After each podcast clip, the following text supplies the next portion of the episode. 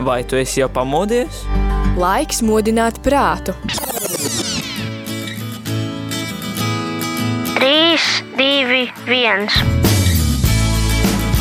Rīta cēliens kopā ar Radio Marija Latvija! Katru darba dienas rītu no pulkstens desmitiem.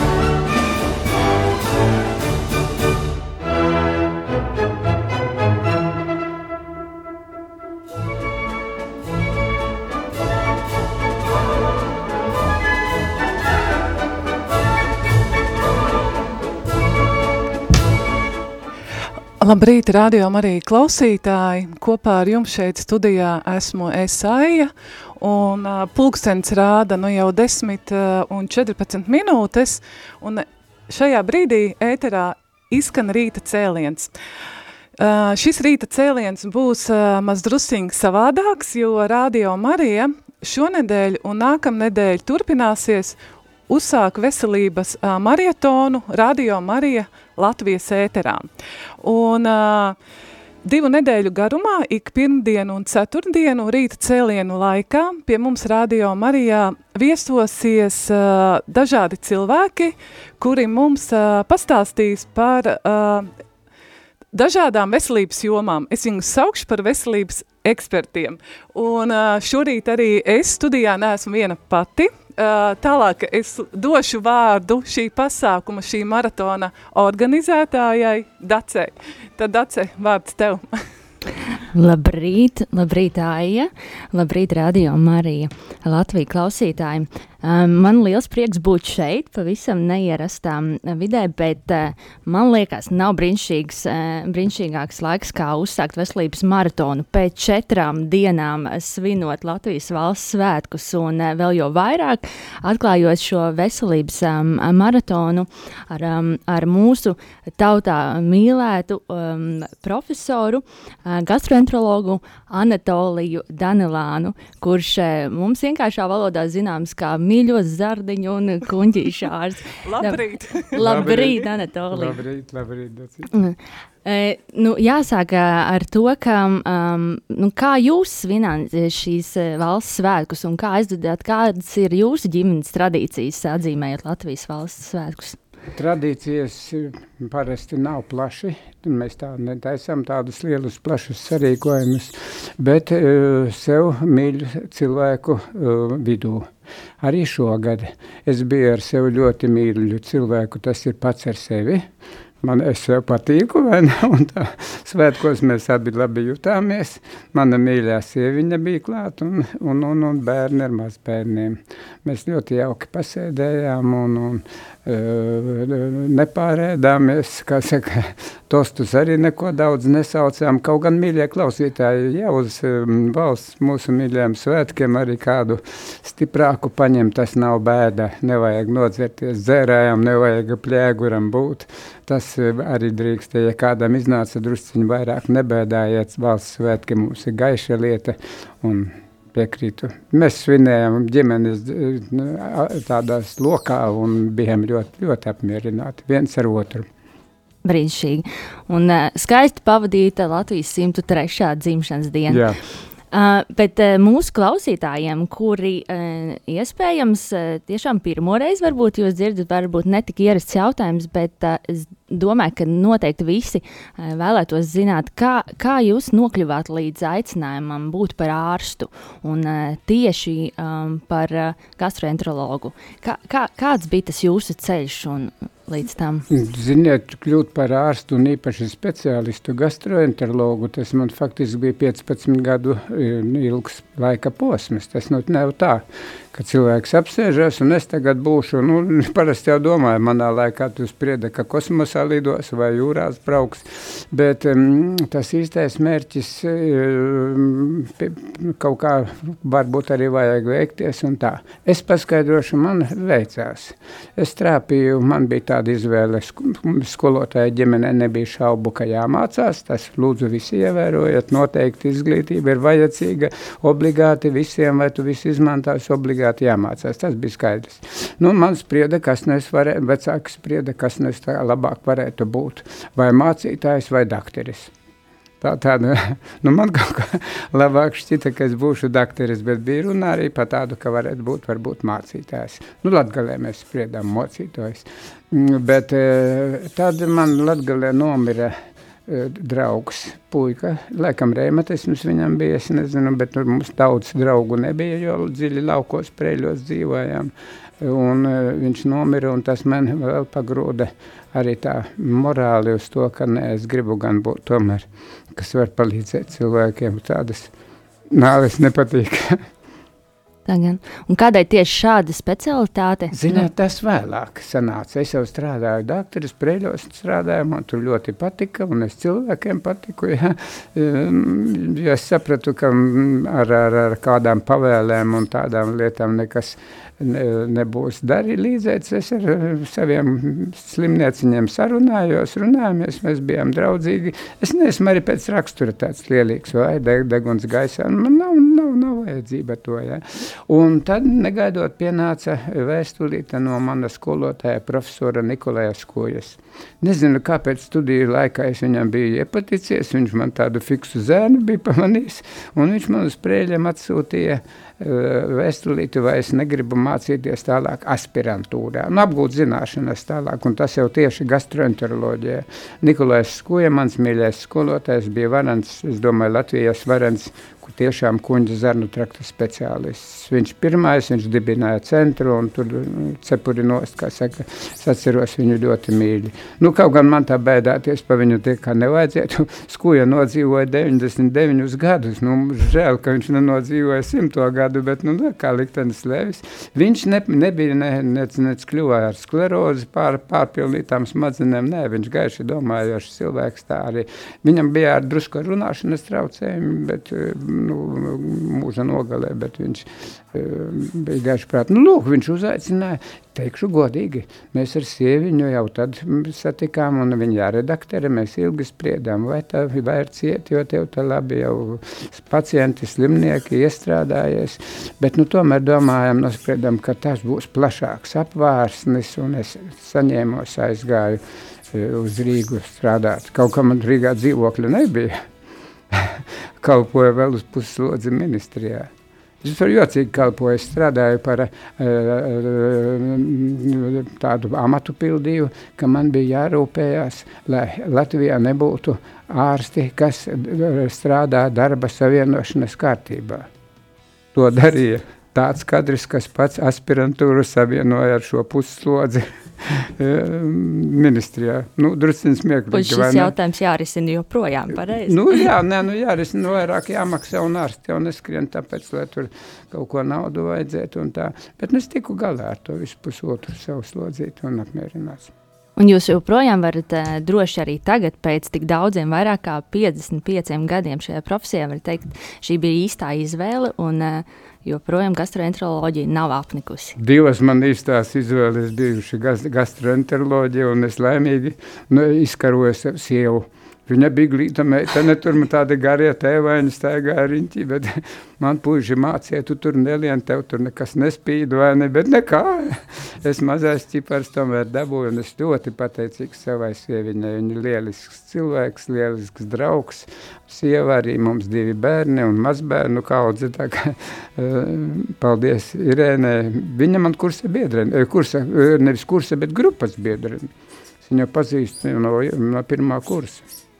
Kā, ir lietas, ko no jums tiešām mācīties, to apņēmību un arī cīnīties par, eh, par to, ko vēlās, par mīlestību gal galā. Jā, jā, jācīnās. Es arī teikšu, mīļie klausītāji, ja kaut kas jūt, ka nav pareizi, tad mainiet. Nevajag domāt tā, ka, nu, ja es ar nu, tāds pieņemts esmu vai dieviņu man uz darbu jāiet kā uz karātavām, tad es, nu, tomēr jāstrādā, jābūt strādīgam cilvēkam. Nē, mainiet meklējiet tomēr varbūt tādu, kas jūs būs dveselē tuvāk. Nevajag ņemt, piemēram, no manis, ka uzreiz trāpījās. Nu, tā bija laime. Varēja arī netrāpīties. Es būtu arī kaut ko pamainījis, ja man nepatiktu tā darbošanās. Jo darbs tomēr, ja tev vismaz nedrīkst mocīt. Nav jau tā, ka briesmīga laime, prieks tur darbā, tas drusku mēs pārspīlējam. Ja arī savi prieciņi ir un tā, un bēdas ir un nepatīkamas, un man matis ir arī daļēji darba dēļ. Miruši cilvēki jau paliek prātā, vai ne, ja cilvēks nav lops, vai ne. Un, un, bet mainīt vajag, kā saka. Un arī, ja kādam nu galīgi ģimenē neiet, man meitiņai bija, kas saka, nevisai ģimenē gāja. Ļoti labs mans nots, puisis bija labs un tā, bet viņiem kaut kā kopā nepasēja. Un viņi paši ķīrās, bet mīļie vēlu visiem, jā.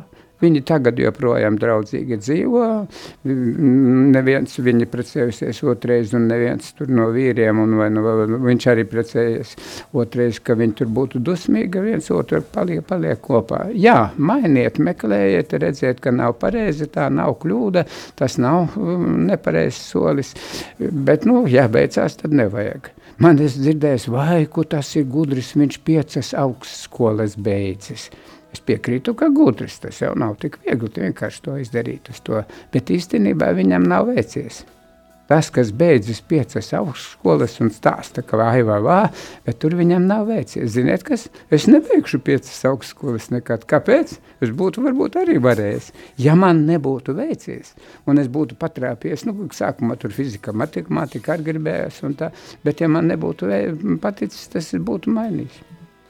Tā kā īsti tie labi, kas ir beiguši e, vienu augstskolu, nemaz nav daudzas augstskolas vajadzīgas. Lai gan cilvēkam dabā ir nemitīgi attīstīties un gūt oh, jaunas zināšanas, Pār, un varbūt tam ar piecām augstskolām ir daudz interešu.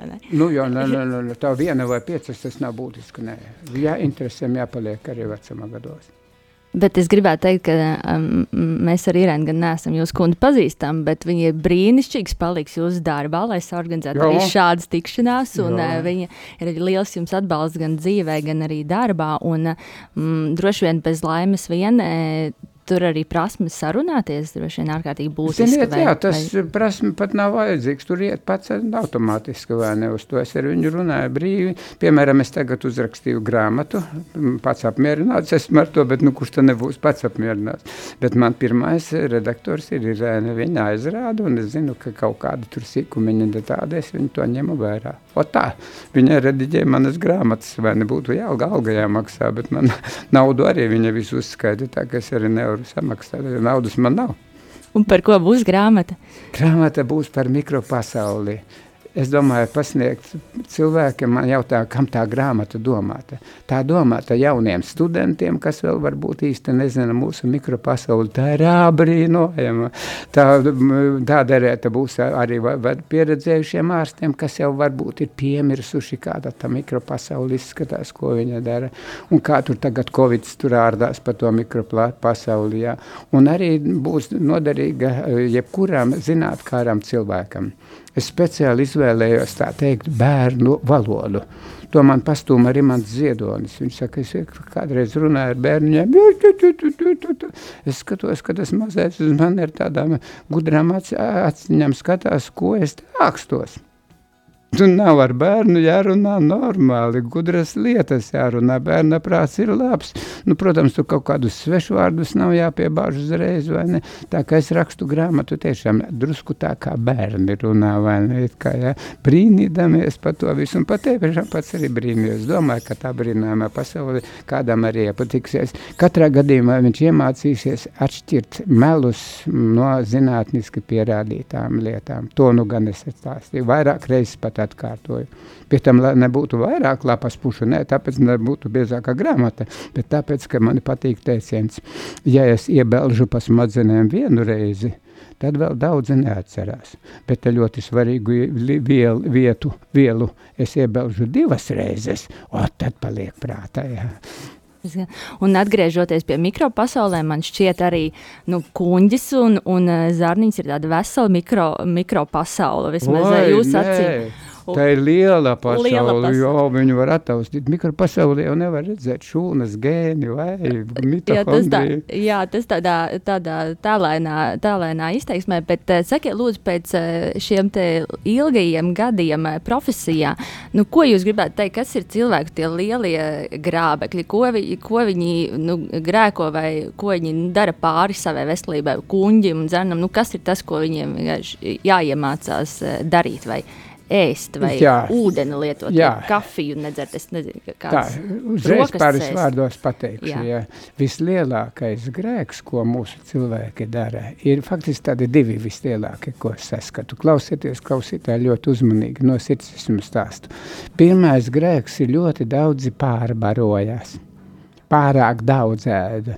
Es saku, mācu tā, tu neskaties, cik tev tur ēdamais bļodiņā ir, tad tev šķiet pa maz vai pa daudz, vai sakot, ja? bet paskaties uz sevi spogulī. Man atnāk mamma, saka, vai mans bērniņš bāliņš švakēda, es pataustu vēderi, viņam cemāda savu tavu tauku kārta. Bērniņu pārbaroti ļoti nepareizi, ļoti slikti, jebkuram pa daudz būtu apaļiem slikti. Es, mēs runāsim vēlāk pa covidu, pa, apaļīgie, kam lieka ķermeņa masa, liekas svars, tie smagāk slimo ar covidu, mirst vairāk ar covidu tieši apaļīgākie. Tur ir savs izskaidrojums, ja interesēs pastāstīšu, un tas ir zināms zinātniekiem, jau to ir at atšifrējuši un skaidri zina. Tā, tā tad veida ēdanas kļūda. Pa daudz.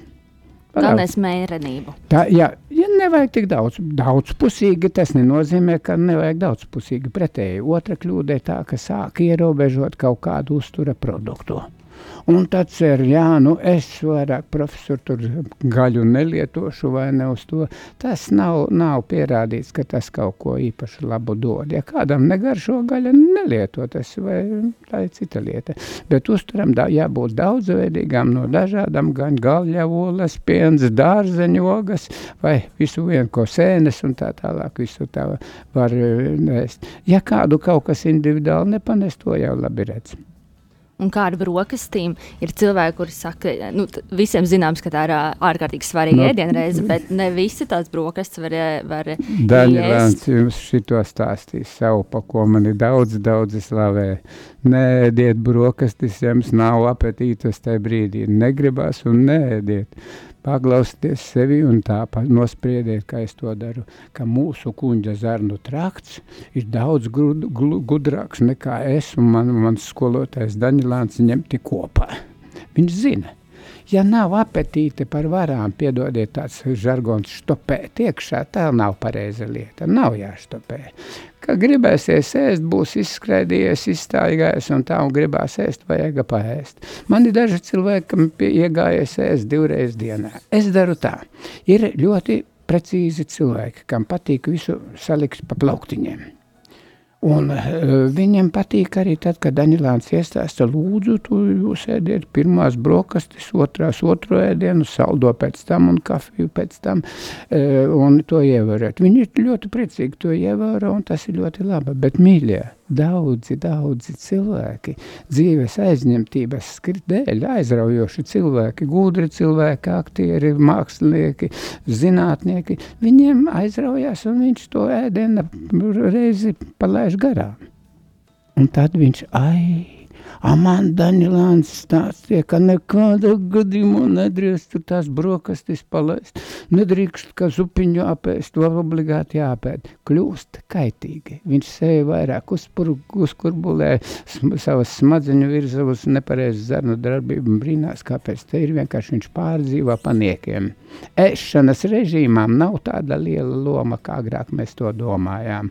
Pats regulē savu ēšanas režīmu. Ja patīk četras reizes dienā, lūdzu priekšu. Tikai paskaties spogulī, vai nav pa daudz apaļīguma kļūst ar vēdreņu tauki. Un droši vien ne pa daudz pirms miega. Un uh, vēl kāds jautājums, vai brokastīs, nu, kā ir ar kafiju? Pir, pirms miega arī var. Var. Es ar sievu sastopos naktī pie leduskapja. Nu, tas nav piemērs un neaicinu ēst naktī, ja guļ, miegs labs gulēt. Jā, un ja jūtat, ka paēdis pirms miega tur rādās nejauki sapņi, es domāju, ja seksuāli sapņi rādās, tad ēdiet arī pirms miega, tur nekāda ļaunuma nav.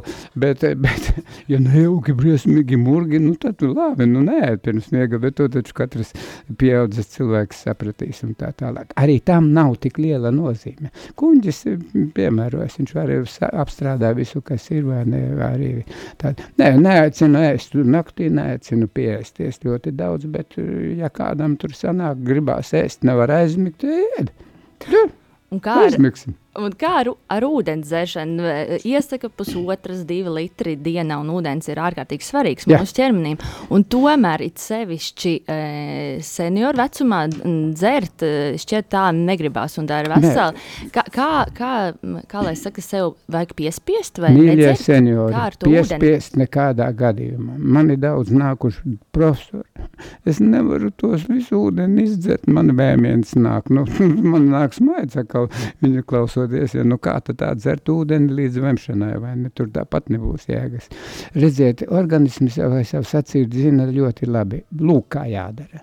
Zināt, ka dzert vajag šķidrumus, minerālu ūdenīšus, pat kolu, ja ļoti trūkst ūdens, var uzdzert šķidrumu. Šķidrums ir organismam ļoti vajadzīgs, un tas jālieto, un Latvijā to mēs tiešām lietojam par, lie, par maz. Kā jādara? Dzer, cik vien gribās, dzirdi? Ir kā drusku kaut kā gribās izdzert veselu glāzi, un nekāda mokas tās nav. Un vēl drusciņ pa virsu. Nevis tā, ka pusotru litru es neskaitu pusotru litru. Man slimnieki, kas skaita, cik reizes dienā vēders iziet, un tā, vai, vai pa cik dienām tur uz minūtēm rēķina, tas viss ir mazāk svarīgi, jo dzīve ir rēba kā dzeņa vēders, un viss mainās. Arī vēdera iziešana mainās, arī tā ūdens dzeršana. Dzeriet tik daudz, cik gribās, un vēl drusciņ pa visu. Viss pašsajūta lieliska, un, un, un nemēriet nemaz to pusotru litru un arī kafijai un tējai nav nevainas arī no rīta. Un, uh, Nē, nu, tas...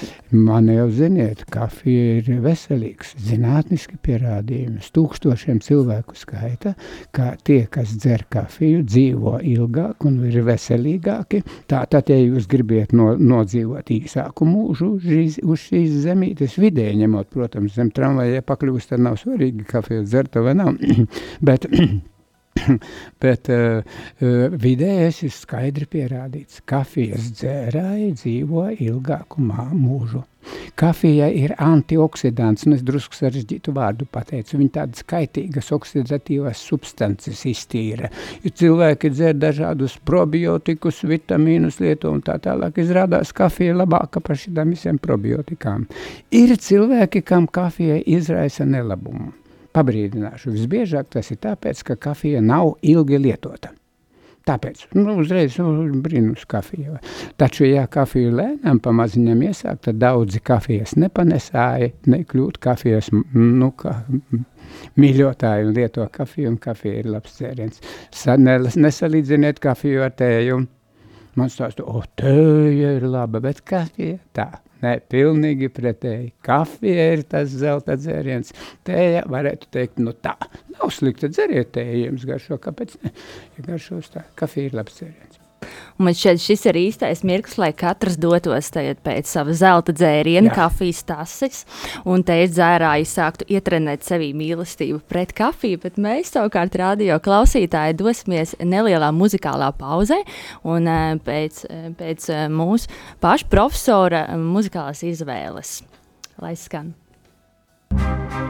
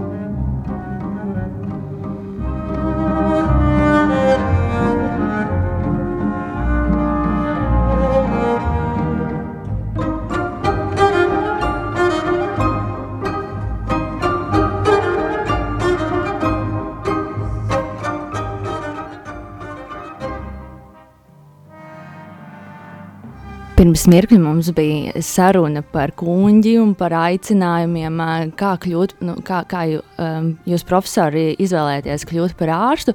Bet starp izvēli par ārstu un mācītāju, man šķiet, kaut kādā ziņā jūs šo, šo profesionālo darbību arī turpināt.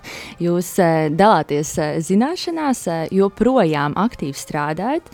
Esat Rīgas Stradiņa universitātes profesors, arī pasniedzat studentiem un dalāties savām zināšanām zināšanām, gan radio, gan citu veidu klausītājiem. Tad jautājums ir, kas ir tie dzīves pīlāri, kur jūs smeļat to enerģiju un spēku tik aktīvi mūžīgi darboties? Es jums atbildēšu tieši. Jūs dzirdējāt uh, mūziku Hauseru? Mirkli, tieši kas izskanēja tieši, šobrīd. kas izskanēja šobrīd, Jā. vai ne? Lūdzu, skatītāji, paskatieties, kāds viņš ir. Smaidīgs, piemēdz ar aci. Uh, kā saka, dzīves priecīgs un basām kājām staigā. Man nav vārdu, nav nozīme, ka viņš staigā basām kājām, bet viņš lieliski spēlē. Lieliski spēle. Viņa acīs ir smaids, viņa acīs ir pat dreskulīgs smaids, varētu sacīt, viņš pat piemiedz aci kaut ko, vai ne, bet tajās acīs ir arī jūtas, tajās acīs ir tas, ka, ko to viņš dara ar prieku ar prieku. Viņš spēlē ar prieku, un viņu nevar neklausīties. Es apmēram domāju, ka es savu darbu arī daru tāpat. Man patīk to darīt, ko es daru. Es jau runāju to. Un tāpēc es varu uh, strādāt gadiem ilgi, un man nav tās uh, grūtības cilvēkam palīdzēt. Jo redzu, ka cilvēkam kļūst vieglāk, viņš smaidīgs aiziet. Es arī mēs abi divi kopā priecājamies, ja trāpīta pareiza diagnoze, pareiza ārstēšana. Viss ir ļoti labi tad labas domas un eh, darīt darbu ar prieku, bet droši vien ir arī ārkārtīgi liela nozīme, kā jūs minējāt arī daudzkārt citās intervijās, kustībai, veselīgam dzīvesveidam, jā, uzturam. Jā, piemēram, man daudz apaļīgi jautā, nu, profesor, es ievēroju dietu, man viņš pusstundu izstāsta, cik labi viņš tur ēd un tā tālāk. Es viņam saku, nu, ziniet, nekas jums nesanāks. Kā? Es taču man labāk dietoloģiju iestāstīju. Es saku, es zinu to dietoloģiju, viņa ļoti laba dietoloģija, da, laba doktori, viņa pareizi dietu jums iestāstīja. Bet, mīļie klausītāji, dieta ir šāviens pa tukšo, ja neievēro citus nosacījumus. Pirmkārt, obligāti fiziskās lodzes, fiziskā aktivitāte. Obligāti. Bez fiziskās aktivitātes tur nekas nebūs. Otkārt, labs miegs, dzirdiet, nevis gulšņāt, bet labi izgulēties. Treškārt, um, saules stari, gaismas saules svaigs, gaisa saules stari, kā saka, nebaidīties no ultravioletiem stariem, un tā tur mēs doktori esam pārbaidījuši. Nav tik traki D vitamīns rodas. Un pēdējais, ko es teikšu, kā mēs ar Hauseru abi darām, sirsnīgas smaids un un labs garas stāvoklis. Brīnišķīgi. Bet uh, tagad uz ziemu vēl jau vairāk, un arī šajos pandēmijas apstākļos ārkārtīgi aktualizējies ir imunitātes jautājums. Uh, Man šeit jūs esat brīnišķīgs piemērs, kurš aktīvi um, staigā, sporto, arī rūdās, un uh, jums patīk arī nu, augstās peldes. Es lienu iekšā vēl, es nezinu, vai tas tur īsti labi noder, bet man patīk, un es to daru. Jā, bet redziet, pa imunitāti to gan, ka labi jūs iedomājaties man pajautāt. Lūdzu, mīļie cilvēki, visi atcerieties, ka cilvēkam nav tikai viena imunitāte, pārmantotā imunitāte, kur cilvēks saka, es esmu ļoti veselīgs, stiprs, un es to covidu nesaslimšu. Nevienam cilvēkam uz zemeslodes, ja viņš nav slimojis vai, vai potējies pret COVID-19, COVID viņam nav imunitātes. Tā ir specifiska imunitāte, tā ir mūsu pašu izstrādāta imunitāte pārmantota. Agrāk Covid nebija tāda, un mūsu imunā sistēma nav dumja. Ko viņa strādās? Kaut kādas antivielas specifiskas, kas cīnītos ar šo vīrusu. Ja tāda vīrusa vispār neparādījās, viņš nebija kaitīgs kaut kur varbūt blakām.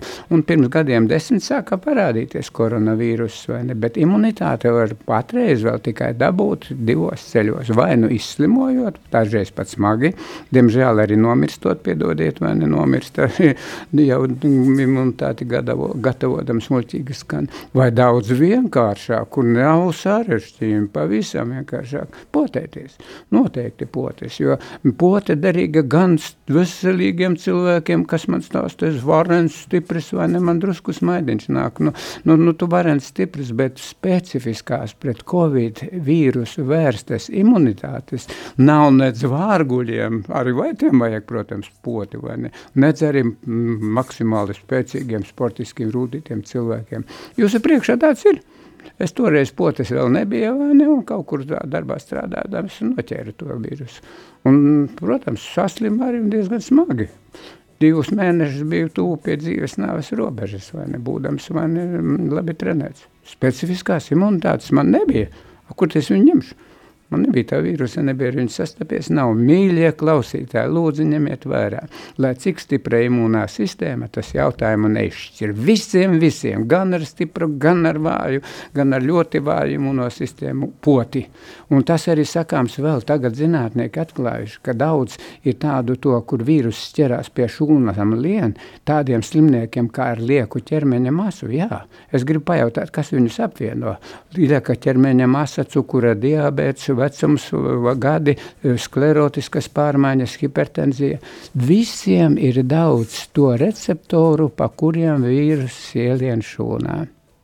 Esiet droši, ja jūs esat hipertoniķis, Tās slimības dēļ jums šūnas ir savairojušas speciālu receptoru, kas vajadzīgs spiedziena regulēšanai, un tāpēc šo receptoru šūna, e, vīruss nekaunīgi izmanto, lai iekļūtu šūnā.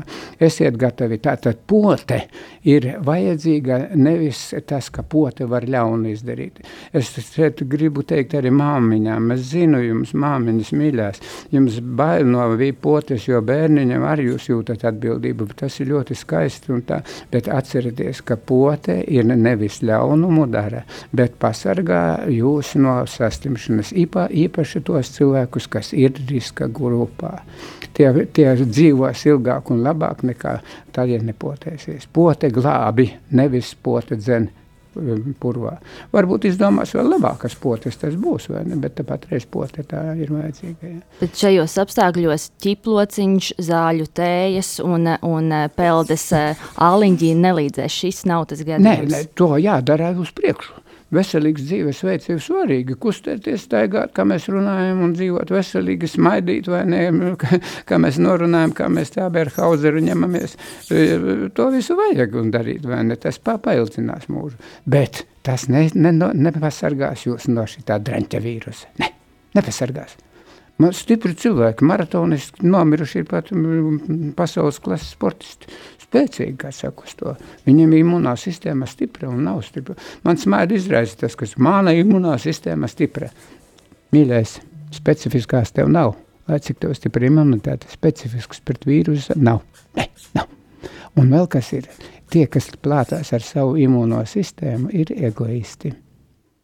Es esmu ārsts un saku, mīļais, tu padomā par sevi, par savu imūno sistēmu. Labi, nu tu vari pieņemt, ka man ir stipra un tā, lai jau tavas. Bet šoreiz tā kļūda ir liktenīga varbūt arī taviem tuviniekiem, taviem draugiem, saviem vecvecākiem vai vecākiem, taviem kolēģiem, vai ne, jo daudzi, kas būdami lepni ar savu vareno imūnu sistēmu, saslimst un nodot šo vīrusu tālāk. Vīruss vēl trako, un es paredzu, ka vēl tagad drusku pieklusīs, bet pavasarī atkal sāks trakot. Atcerieties manus vārdus. Tad vajadzīgas abas gan sevi norūdīt, maskas nesāt, noteikti liekam to, variet pakritizēt, bet neklaigāt pārāk uz to. Tas, kas ir pieņemts, tas ir jādara, tas ir jādara. Paklausīgas tautas to dara un, un attīstītas tautas, tas nav pazemojums. Mēs jau latvieši tādi spītīgi, mums jau tā ir, ka baltiešiem ir tas visiem, negribam un caurumu, ja mums stāsta, ka vajag masku, mīļa, es jūs ne, nespiežu, es tikai jūs mēģinu tagad pierunāt, ka esiet prātīgi, esiet gudri, ziniet, bet maska arī palīdz izvairīties, saslimtināt citus un pašam arī palīdz izsargāties. Plus pote, potēties. Nu, pagaidām jau sanāk tādu brīži, ka jau uzliesmojas, nevajag ar pulcēties baros. Jā, tas viss ir padomi, labi padomi, gudri padomi, un tie neko ļaunu nedara. Man kauns par sevi ārstiem, kas stāsta, ka maska tur ar pesticīdiem pilna. Nu kādas muļķības, nu kādas muļķības. Masku nesējiet, ja vajag.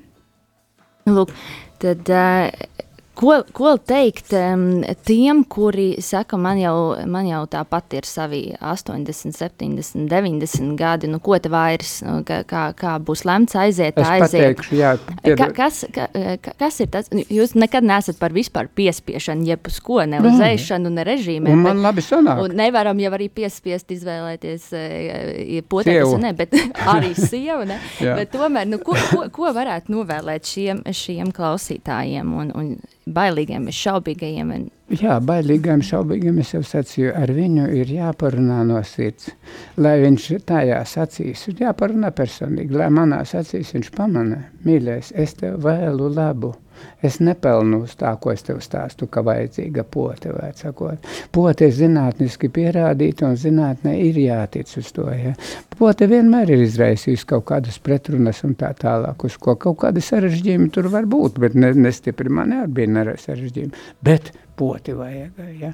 Noteikti vislabākais ir personīga saruna ar slimnieku, ja viņš redzēs, ka jūs stāstiet tiešām no sirds prātīgus vārdus, un jūs runājat prātīgi par specifisko imunitāti, var ierunāties. To mēs ārsti maz runājuši līdz šim. Cilvēki to nezina. Jā, tas palīdzēs.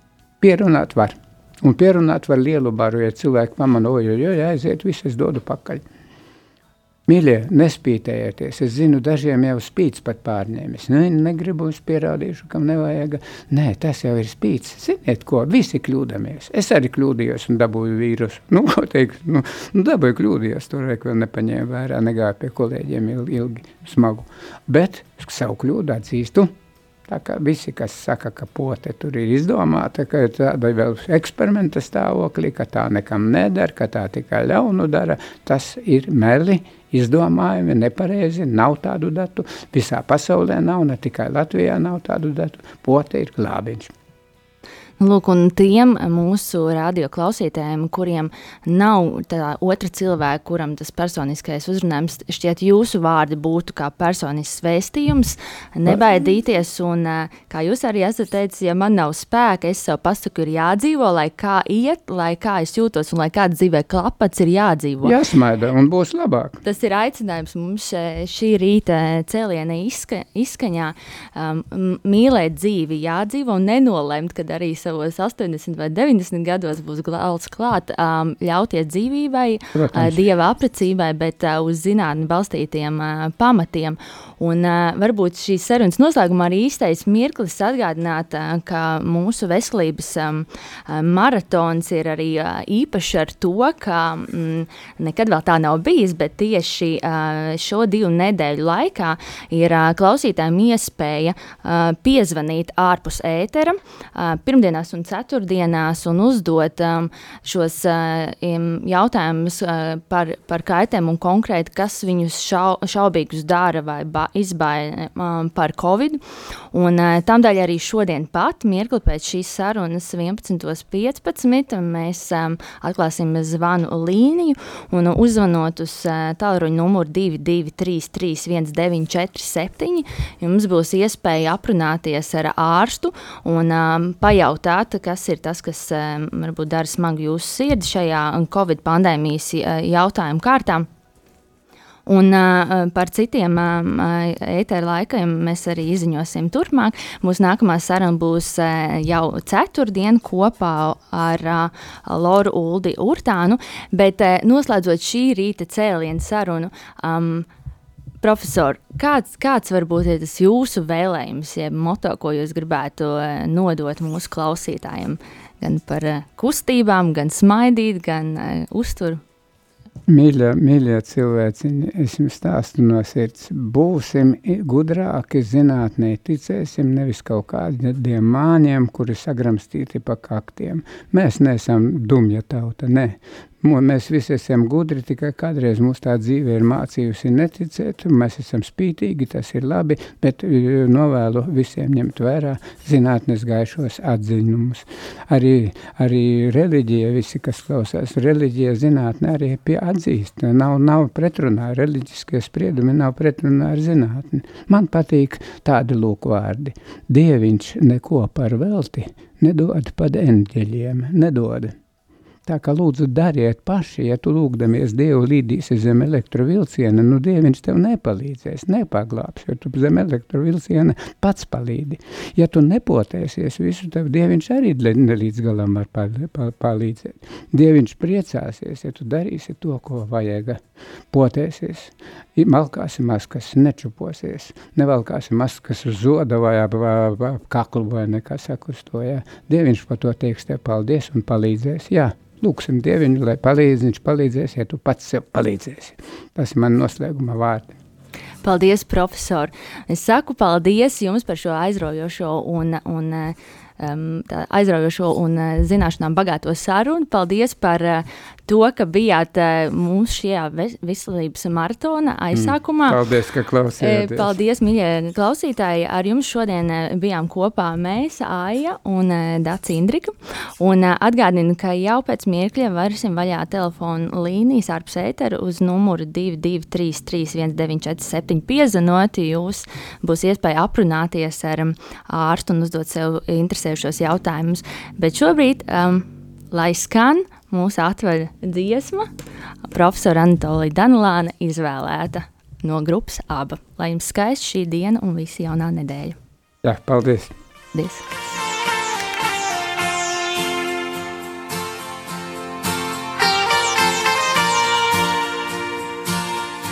I have a dream, a song to sing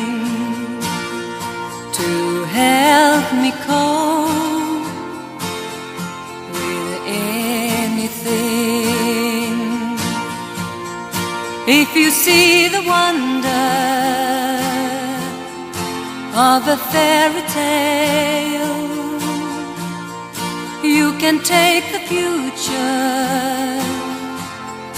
even if you fail.